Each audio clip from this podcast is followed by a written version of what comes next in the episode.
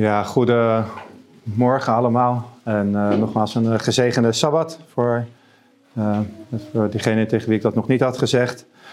Ehm, in de eerste plaats wil ik het volgende zeggen. We hebben een, een week achter de rug waarin we afscheid hebben moeten nemen van een, een dierbare broeder en zuster.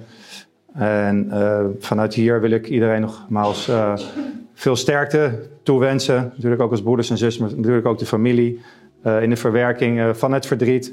Uh, maar wel in de blijde hoop natuurlijk dat we deze broeder en zuster straks weer mogen zien hè, bij de wederkomst van Jezus. Goed, de titel van vandaag heb ik genoemd enige feiten over de drievoudige engelboodschap. En als we stilstaan bij wat er allemaal in de wereld om ons heen gebeurt, dan kunnen we niet anders concluderen dat er ja, sprake is van wereldwijde onrust. Er zijn, als we dat zo zien in de wereld en het nieuws horen, overal aardbevingen en armoede. Ehm, de mentaliteit van de mensen lijkt ook te veranderen.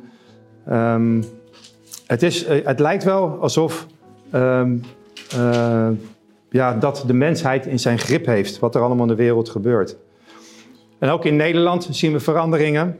Bijvoorbeeld in criminaliteit. Er worden hier en daar worden er zomaar mensen neergestoken, neergeschoten. Peter R. de Vries onlangs nog. er gebeurt een hoop.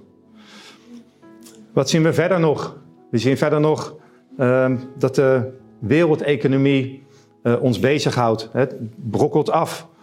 banken en bedrijven gaan failliet. En mensen raken hun huizen kwijt. Ook de huizenmarkt is raar. Ja, de, prijzen stijgen juist. Mensen kunnen geen huis meer kopen of huren. Verder zien we in de natuur nog natuurrampen. Uh, als nooit tevoren. De orkanen, de tornado's in Amerika. Uh, her en der branden, Australië en Californië, noem het allemaal maar op. Um, en dan ook nog de, de lavastromen die we hebben in hoe heet La Palma, dat eiland, en ook Haiti, kort daarvoor nog. Um, dan hebben we nog in verschillende landen ook etnische problemen. Uh, het Midden-Oosten, wereldwijde terreur. Um, nou, zo is er overal wel wat. Echtscheidingen nemen steeds meer toe. En zo kan ik nog wel even doorgaan. Onze aarde lijkt als het ware te breken. En er lijkt nergens meer veiligheid of zekerheid te zijn. Mensen om ons heen zien dat en weten dat het niet goed gaat met de aarde. En waar moet dat eigenlijk heen? Het is allemaal heel onzeker. Maar wij als zevende dags Adventisten um, weten waar het heen gaat in deze wereld. En uh, daarom hebben we ook een belangrijke waarschuwingsboodschap te delen met iedereen in onze omgeving. Er komt immers een dag aan dat uh, aan dit alles door God een einde wordt gemaakt. En over deze waarschuwingsboodschap, wat ik noemde, wil ik vandaag een uh, negental feiten met jullie bespreken. En dan heb ik het uh, natuurlijk, of niet natuurlijk, maar dan heb ik het over de drievoudige engelboodschap. En de belangrijkheid hiervan kunnen we lezen in een geestelijke profetie. Dat staat in eerste geschriften. En daar staat, mij werden drie stappen getoond. De boodschappen van de eerste, de tweede en de derde engel. En mijn begeleidende engel sprak: Wee hem die een blokje van de boodschappen zal bewegen of een speld eruit trekken. Het ware verstand van deze boodschappen is van het grootste belang. De lotsbestemming van zielen hangt af van de wijze waarop zij worden aangenomen. Ik werd wederom door deze boodschappen heen geleid en zag tegen welk een hoge prijs Gods volk hun bevindingen gekocht had. Wat we hier dus kunnen lezen is dat we niets zullen aanpassen of wijzigen of verdraaien uh, van, van deze boodschap die we straks ook gaan lezen. En we kunnen zien wat voor uh, bescherming juist deze boodschappen bieden aan Gods volk in de eindtijd. En we lezen hier dat het van het grootste belang is deze boodschappen goed te begrijpen en te brengen naar de mensen, want dat is het belangrijkste, hun lot hangt er vanaf. Het is dus bepalend, levensbepalend. En daarom zullen we vandaag uh, openbaring 14, vers 6 tot 12, waar deze boodschappen staan, zin voor zin uh, onder de loep nemen om te kijken wat we daaruit kunnen halen voor onszelf. Dat kunnen we het lezen in Openbaring 14, vers 6 tot 12. En er staat, en ik zag een andere engel die hoog aan de hemel vloog. En hij had het eeuwige evangelie, om dat te verkondigen aan hen die op de aarde wonen. En aan elke stam, taal en volk. En hij zei met een luide stem, vrees God en geef hem de eer. Want het uur van zijn oordeel is gekomen. En aanbid hem die de hemel, de aarde, de zee en de waterbronnen gemaakt heeft. En een andere engel volgde en die zei, zij is gevallen, zij is gevallen. Babylon, de grote stad, omdat zij alle volken van de wijn van de toorn van haar hoererij heeft laten drinken. En een derde engel volgde hen, die met een luide stem zei, als iemand het beest en zijn beeld aanbidt en het merkteken op zijn voorhoofd of op zijn hand ontvangt, dan zal hij ook drinken van de wijn van de toorn van God, die onvermengd is ingeschonken in de drinkbeker van zijn toorn, en gepijnigd worden in vuur en zwavel voor het oog van de heilige engelen en van het lam. En de rook van hun pijniging stijgt op tot in alle eeuwigheid. En zij die het beest en zijn beeld aanbidden, hebben dag en nacht geen rust. Evenmin als iemand die het merkteken van zijn naam ontvangt. Hier zien we de volharding van de heiligen en hier komen openbaar de geboden van God en het geloof in Jezus in acht nemen. Goed, dit zijn de, ja, hoe we dat noemen, de drievoudige engelboodschap. En uh, deze wil ik vandaag iets verder uitdiepen met jullie uh, en een negental feiten met jullie bespreken. Uh, het eerste feit is dat mensen de drievoudige engelenboodschap verkondigen. En dat zal ik wat verder uitleggen. Het Griekse woord voor engel betekent boodschapper. Het gaat bij deze drievoudige engelboodschap niet om drie letterlijke engelen. En het is interessant om uh, met jullie te lezen Openbaring 1, vers 1 tot 3.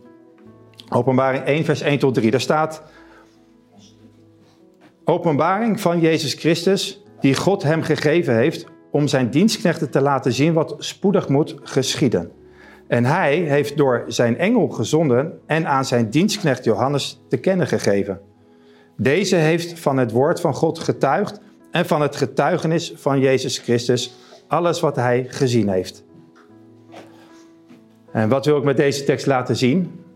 God, heeft, God geeft hier een bepaalde structuur aan. Ja? De communicatie hier gaat van, begint bij God. Ja, dan gaat het naar Jezus, vervolgens naar de Heilige Geest, dan tot de engelen en dan naar Johannes en dan tot aan de gemeente en in de wereld. Ja, wat je dus ziet is dat God uiteindelijk de mens gebruikt, dat is eigenlijk het belangrijkste, om belangrijke boodschappen in de wereld te brengen. Hij wil dus samenwerken met ons, net zoals hij ook met Johannes deed. In de geestenprofetie zien we wie deze engelen eigenlijk voorstellen. In Bijbelcommentaar staat op bladzijde 674: Christus komt weer met macht om zalig te maken. Om de mensen op deze gebeurtenis voor te bereiden, heeft hij de eerste, tweede en derde engel met boodschappen gezonden.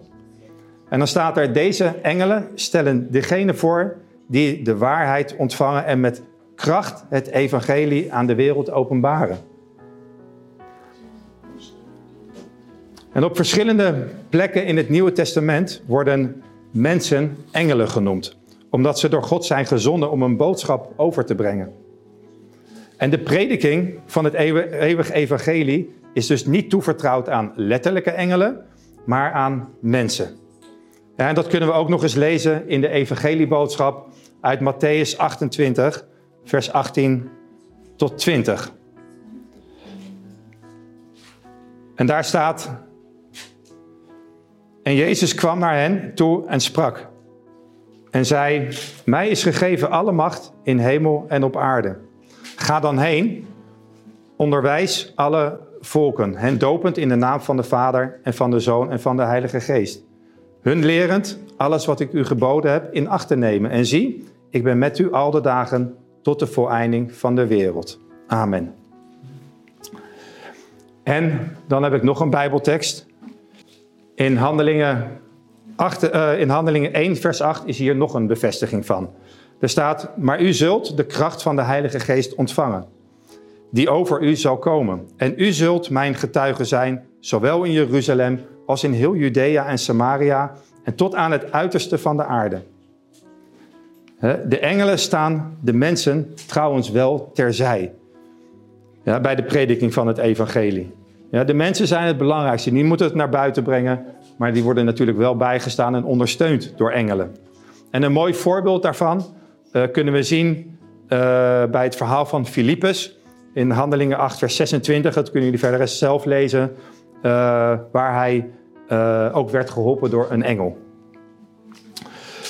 En tot slot nog een eerste ehm, nog iets over dit eerste feit uit de geestelijke profetie. Uit de uh, grote strijd. Er staat, de verkondiging van het evangelie is niet aan engelen, maar aan mensen toevertrouwd. Engelen leiden dit werk in goede banen en geven leiding aan de grote bewegingen ter verlossing van de mens. Maar de eigenlijke verkondiging van het evangelie gebeurt door de boodschappers van Christus op aarde realiseren wij als zevende Adventisten wel uh, dat wij daarmee bedoeld worden. Dat wij die boodschappers moeten zijn.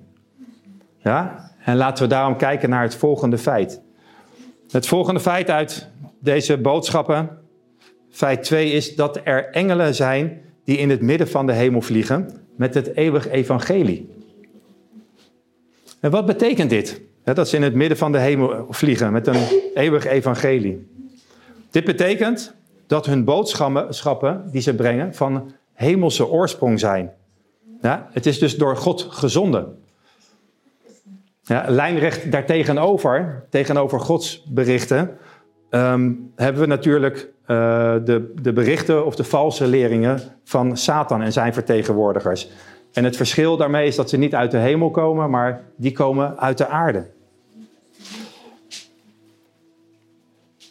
In Jacobus 3, vers 14 tot 17 staat duidelijk het contrast beschreven tussen de wijsheid die van God komt, die van boven komt, en uh, zoals die van de drie engelen, en uh, die van de aarde komen, dus van uh, onze tegen, grote tegenstander. En daar staat, wanneer u echter bittere afgunst en eigenbelang in uw hart hebt, beroem u dan niet en lieg niet tegen de waarheid. Want staat er, dat is niet de wijsheid die van boven komt, maar, um, maar ze is aards, natuurlijk, duivels. Want waar afgunst en eigenbelang is, daar heersen wanorde en allerlei kwade praktijken. Maar de wijsheid die van boven is, is ten eerste rein, vervolgens vreedzaam, welwillend, vol reden vatbaar, vol barmhartigheid en goede vruchten, onpartijdig en ongeveinsd. En laten we dus goed onderscheiden of een boodschap van God komt ja, of vanuit eh, het kwade, vanuit Satan. En deze teksten uit Jacobus zijn een goede maatstaf voor ons om te bepalen wat goed is. Dat wordt hier duidelijk in weergegeven.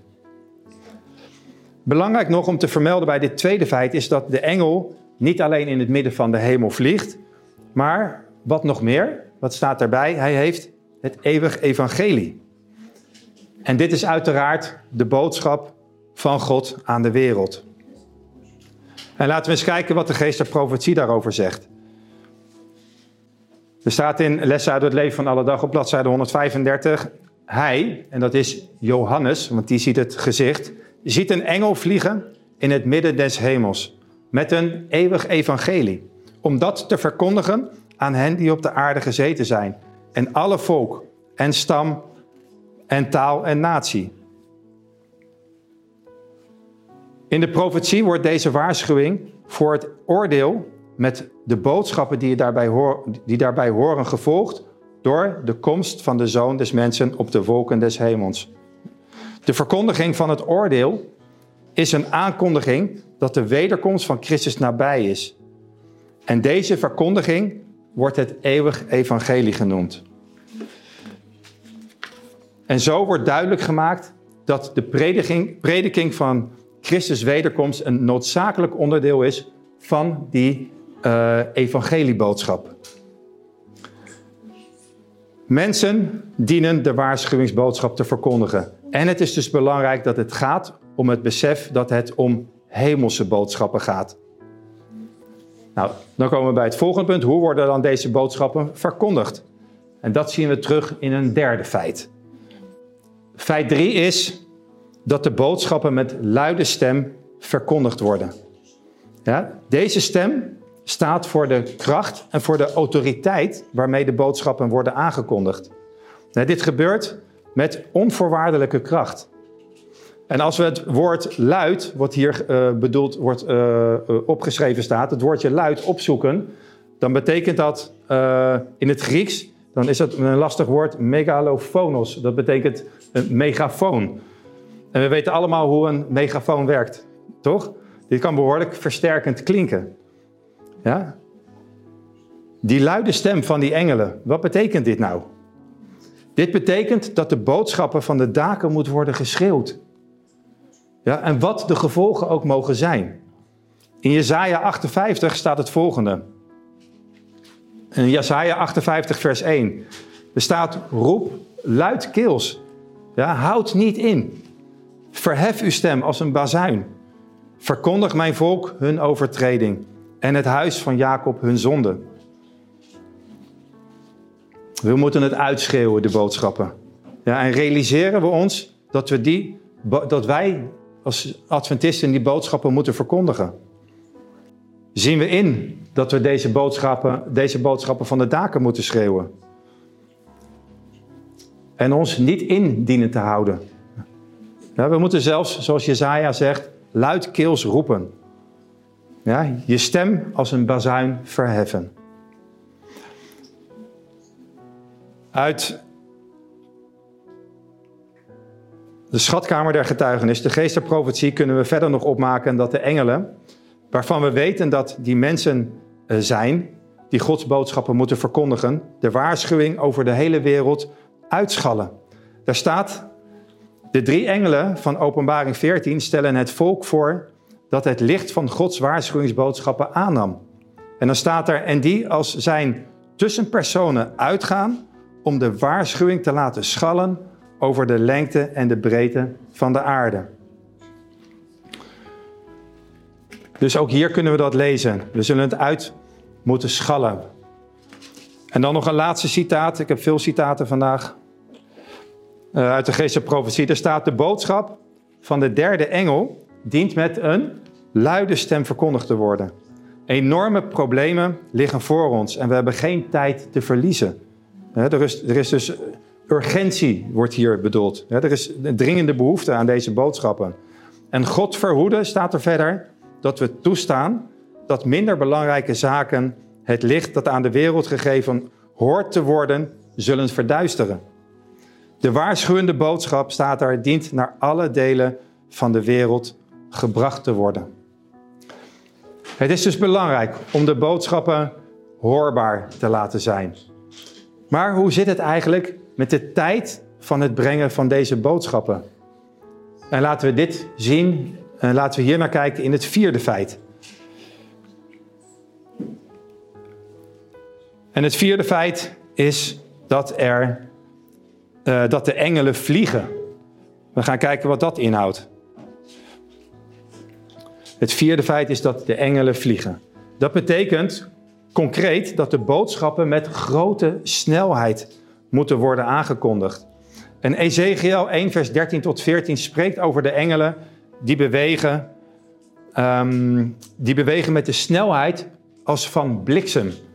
er staat in Ezekiel, wat de gedaante van de levende wezens betreft, hun uiterlijk was als brandende kolen in het vuur, als het uiterlijk van fakkels. En dat vuur ging heen en weer tussen de levende wezens. Het vuur had lichtglans en uit het vuur schoot een bliksem. En de levende wezens schoten heen en weer als een bliksemschicht. Dit vers is om uh, een idee te krijgen hoe engelen bewegen. En wat er dus uh, voor staat, dat de boodschap urgent is en dat er haast bij is geboden om de boodschappen te verkondigen. Ja, de snelheid, de urgentie. En weer gericht aan ons, realiseren we ons dat, we dus, uh, dat er haast bij is geboden om deze boodschappen aan de wereld te brengen. En dat we in actie dienen te komen. We hebben hiervoor gezien dat de boodschappen allemaal uit de hemel komen, dat ze luidkeels en snel moeten worden verkondigd. En het ging ook om een eeuwig evangelie. En dit brengt ons natuurlijk op de vraag hoe veelomvattend deze boodschap eigenlijk dient te zijn. Dan wil ik gaan naar het vijfde feit. Laten we dat bestuderen. Het vijfde feit is dat de boodschappen een wereldwijde rijkwijde hebben. Ja, niet alleen binnen huis of binnen Nederland, binnen waar we onze eigen families, maar wereldwijd moet dit verkondigd worden. Alle drie de boodschappen zullen naar alle uithoeken van de aarde gaan en naar alle mensen en, in alle, en naar alle talen. Ze zijn er dus niet alleen voor de Joden, zoals dat vaak wordt gezegd, maar bestemd voor de gehele mensheid. En er is dus ook een volk nodig dat bereid is deze boodschappen luidkeels en met spoed te verkondigen. De bereidheid moet er dus zijn bij ons, broeders en zusters. En laten we samen lezen naar een bekende tekst uit Matthäus 24, vers 14. Er staat: En dit evangelie van het koninkrijk zal in, de, in heel de wereld gepredikt worden tot een getuigenis voor alle volken. En dan staat er zo het einde komen. Van stad tot stad en van dorp tot dorp en van land tot land moet de boodschap van de waarheid verkondigd worden. En hoe? In de kracht van God, in de kracht van de geest. En door mensen en door mannen en vrouwen van geloof. En de geestenprofetie laat ons het volgende weten over de rijkwijde van deze verkondiging. Er staat, de tijd is gekomen. De belangrijke tijd is gekomen. Wanneer door Gods boodschappers de boekrol, de boekrol voor de wereld wordt afgerold. De waarheid die de boodschappen van de eerste, tweede en de derde engel omvat, moet gaan naar elke natie, geslacht, taal en volk. Het moet de duisternis, staat er, van elk continent verlichten en uitbreiden naar de eilanden van de zee. Het is duidelijk, denk ik. Een groot werk moet dus gedaan worden. Namelijk door de mensen bekend te maken met de reddende waarheden van het evangelie van Jezus.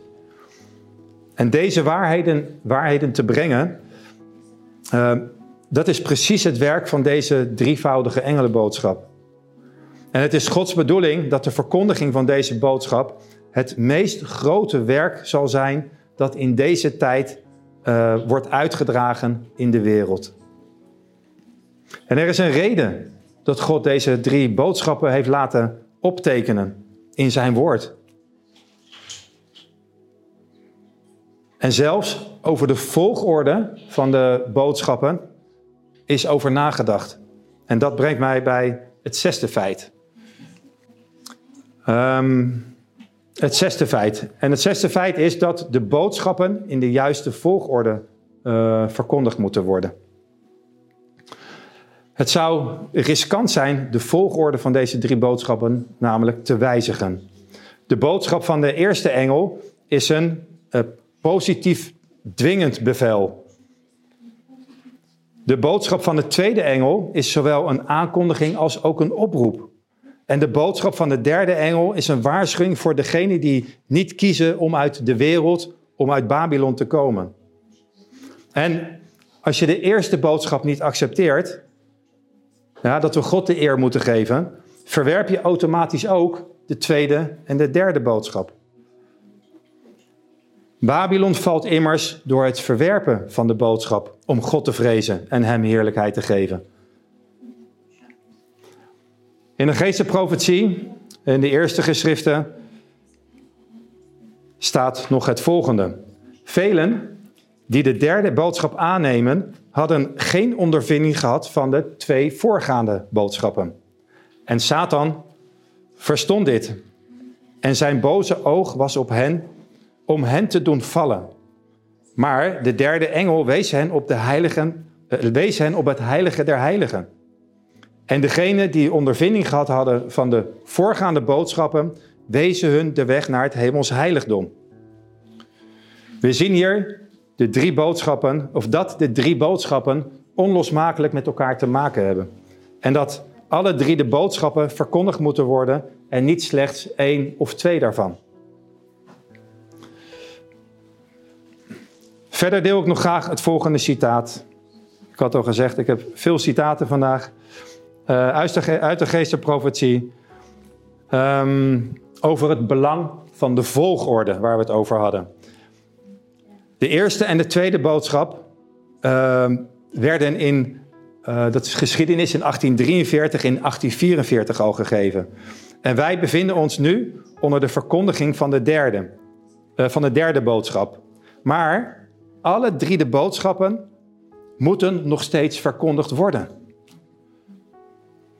Er staat, het is nu net zo van belang als ooit tevoren dat zij zullen worden herhaald voor degenen die de waarheid zoeken. Door pen en stem dienen wij de verkondiging te laten klinken. En dan staat er ook hun volgorde te laten zien.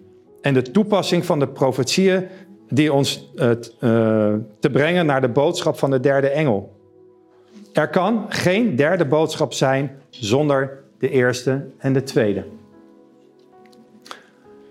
Deze hemelse boodschappen zijn Gods laatste oproep in deze donkere wereld. En we zien dat terug in het zevende feit. En feit 7 is dat deze boodschappen Gods laatste oproepen zullen zijn, vlak voordat de genadetijd op aarde voorbij is. Ja, vlak voor de wederkomst van Christus zullen deze boodschappen aan de wereld worden gebracht. En dat weten we want we hebben een Bijbeltekst die vlak na de uh, drievoudige engelboodschap staat. En dat is in Openbaring 14, vers 14. Dat is gelijk na de boodschappen. Staat daar in Openbaring 14, vers 14. En, en ik zag en zie een witte wolk op de wolk, uh, een witte wolk. En op de witte wolk zat iemand als een mensenzoon. Met op zijn hoofd een gouden kroon en in zijn hand een scherpe sikkel. Dus dit is gelijk na die boodschappen. Dat betekent dat de wederkomst van Jezus dan gelijk ja, aan de eh, beurt is. Dat is het volgende wat gebeurt in deze wereldgeschiedenis. Als we geloven dat we in de eindtijd leven, dan zou dit dus de boodschap moeten zijn die, zowel, die we zowel moeten begrijpen als moeten verkondigen. We hadden gezien snel, luidkeels en ook in de juiste volgorde. De genadetijd zal spoedig ten einde zijn. En de laatste profetieën vervullen zich in een rap tempo, een snel tempo over de aarde, als je nu om, om je heen kijkt. Maar wat een uitzicht hebben we en wat een mooie belofte dat vlak daarna Jezus zijn kinderen komt halen. Hoe we als, deze mensen, hoe we als mensen deze boodschappen überhaupt kunnen verkondigen, zien we terug in het achtste feit. Het achtste feit is dat de verkondiging van deze boodschappen gepaard gaat met de kracht van de late, of hoe we dat ook noemen, de spadenregen. Ja, de boodschappen worden daardoor versterkt. Deze boodschappen kunnen we als mensen niet zomaar verkondigen. We hebben hierbij iemand nodig. We hebben Gods geest, de Heilige Geest hierbij nodig. In de tijd van de discipelen, tijdens het Pinksteren, bracht de vroege regen de uitstorting van de Heilige Geest. Het gevolg weten we allemaal. Het gevolg is dat er duizenden mensen bekeerd en gered werden. En het evangelie begrepen. En het, nog belangrijk, ook het evangelie doorgaven. Er komt ook nog een late regen. Ja, en deze regen, de spadenregen, zal de wereld in twee groepen gaan verdelen. U kunt dat zelf nalezen in uh, vanaf Openbaring 14, vers 14, waar er wordt gesproken over een graanoogst en een wijnoogst. Maar er wordt in ieder geval heel duidelijk uh, onderscheid op dat moment gemaakt. Er komen twee groepen in de wereld. Aan het einde en dat einde denk ik dat dat spoedig zal zijn, zal de spaderegen, die late regen, het gewas rijpen voor de oogst. Wat houdt dit in? Dat betekent dat er een heilig volk zal zijn. Een volk dat klaar staat om Jezus te verwelkomen met open armen als hij naar de aarde komt om zijn kinderen te halen. En wat we ook zullen zien is dat de hele wereld, niet alleen Nederland, niet alleen Europa, maar de hele wereld zal partij moeten kiezen. De boodschappen die worden gebracht door Gods volk, die drie engelen eh, eh, boodschap, zullen de wereld met een wat duurder woord polariseren. Het zal de tegenstellingen in de wereld alleen maar groter maken. Het zal steeds duidelijker worden waar de wereld voor kiest. En niemand, en ook niemand, zal daartussenin blijven, zal neutraal blijven. Er zal een keus gemaakt moeten worden. Dat wordt ons opgelegd. Sommigen kiezen schijnbaar geen partij. Schijnbaar geen partij. Het lijkt alsof ze niet tegen de waarheid kiezen, ehm, eh, maar in feite komen ze niet openlijk voor Christus uit, omdat ze bang zijn uh, om hun bezit kwijt te raken, uh, of familie kwijt te raken, of materieel kwijt te raken. Die mensen die worden allemaal tot vijanden van Christus gerekend. Er is geen middenweg. U zult zowel het zegel van God hebben of het merk van het beest ontvangen. Het is eigenlijk een kwestie van leven of dood uiteindelijk. En spoedig zal, net als in de dagen van Farao, Gods boodschap de mensen of verzachten of juist totaal verharden. En zo kom ik bij mijn laatste feit uit, feit 9. En feit 9 is dat God een volk zal hebben die deze boodschappen zal accepteren. Het is de acceptatie van deze boodschappen. En dit volk zal het niet alleen accepteren, maar zij zal het tevens verkondigen en omarmen en gehoorzamen. En laten we dat lezen in Openbaring 15, vers 2 tot 4. Openbaring 15, vers 2 tot 4. Daar staat: En ik zag iets als een glazen zee met vuur gemengd. En de overwinnaars van het beest, van zijn beeld, van zijn merkteken en van het getal van zijn naam stonden bij de glazen zee, met de citers van God. En zij zongen het lied van Mozes, de dienstknecht van God, en het lied van het Lam, met de woorden: Groot en wonderbaarlijk zijn uw werken, heren, Almachtige God. Rechtvaardig en waarachtig zijn uw wegen, Koning van de heiligen. Wie zou u niet vrezen, heren, en uw naam niet verheerlijken? Immers u alleen bent heilig, want alle volken zullen komen en u aanbidden, want uw oordelen zijn openbaar geworden. Dit volk, staat er dus, wat we lezen, dit volk zal zegen vieren door de kracht die er van de derde engelboodschap uitgaat. En er staat nog geschreven, hier zien we, we kennen de tekst wel, de volharding van de heiligen. En hier komen openbaar die de geboden van God en het geloof van Jezus in acht nemen. Samenvattend kunnen we concluderen dat alle drie de boodschappen gelden voor de eindtijd. Het is de laatste waarschuwingsboodschap enerzijds uh, en de reddingsboodschap anderzijds voor de ten ondergaande wereld, hoe we dat in het begin van deze lezing zagen. En het zal aan iedere taal, natie en volk worden verkondigd. De boodschap van de eerste engel wijst op het eeuwig evangelie en kondigt aan dat de uren des oordeels is gekomen. We leven in die tijd van het oordeel. En de oproep is er dus op gericht om de schepper te vrezen. De liefde naar God. En hem eerlijkheid te geven. En hem te aanbidden. De boodschap van de tweede engel verkondigt de val van Babylon. En in de loop van de eeuwen hebben zich verkeerde en tegenstrijdige godsdienstige systemen ontwikkeld, die tot grote verwarring, die tot het Babylon geleid hebben. En de boodschap van de derde engel wijst op de gevolgen van het aannemen van de valse leerstellingen. De Sabbat is het zegel van God. Deze drie boodschappen, voorgesteld door de drie engelen, die dus mensen voorstellen, die Gods volk voorstellen, roepen een reformatie op, die tot berouw en bekering leidt. En die oproep tot berouw en bekering moet luidkeels en met snelheid en in de juiste volgorde worden gedeeld, met behulp van de Heilige Geest.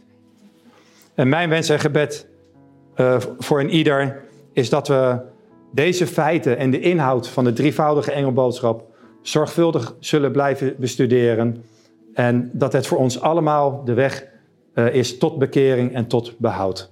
Amen.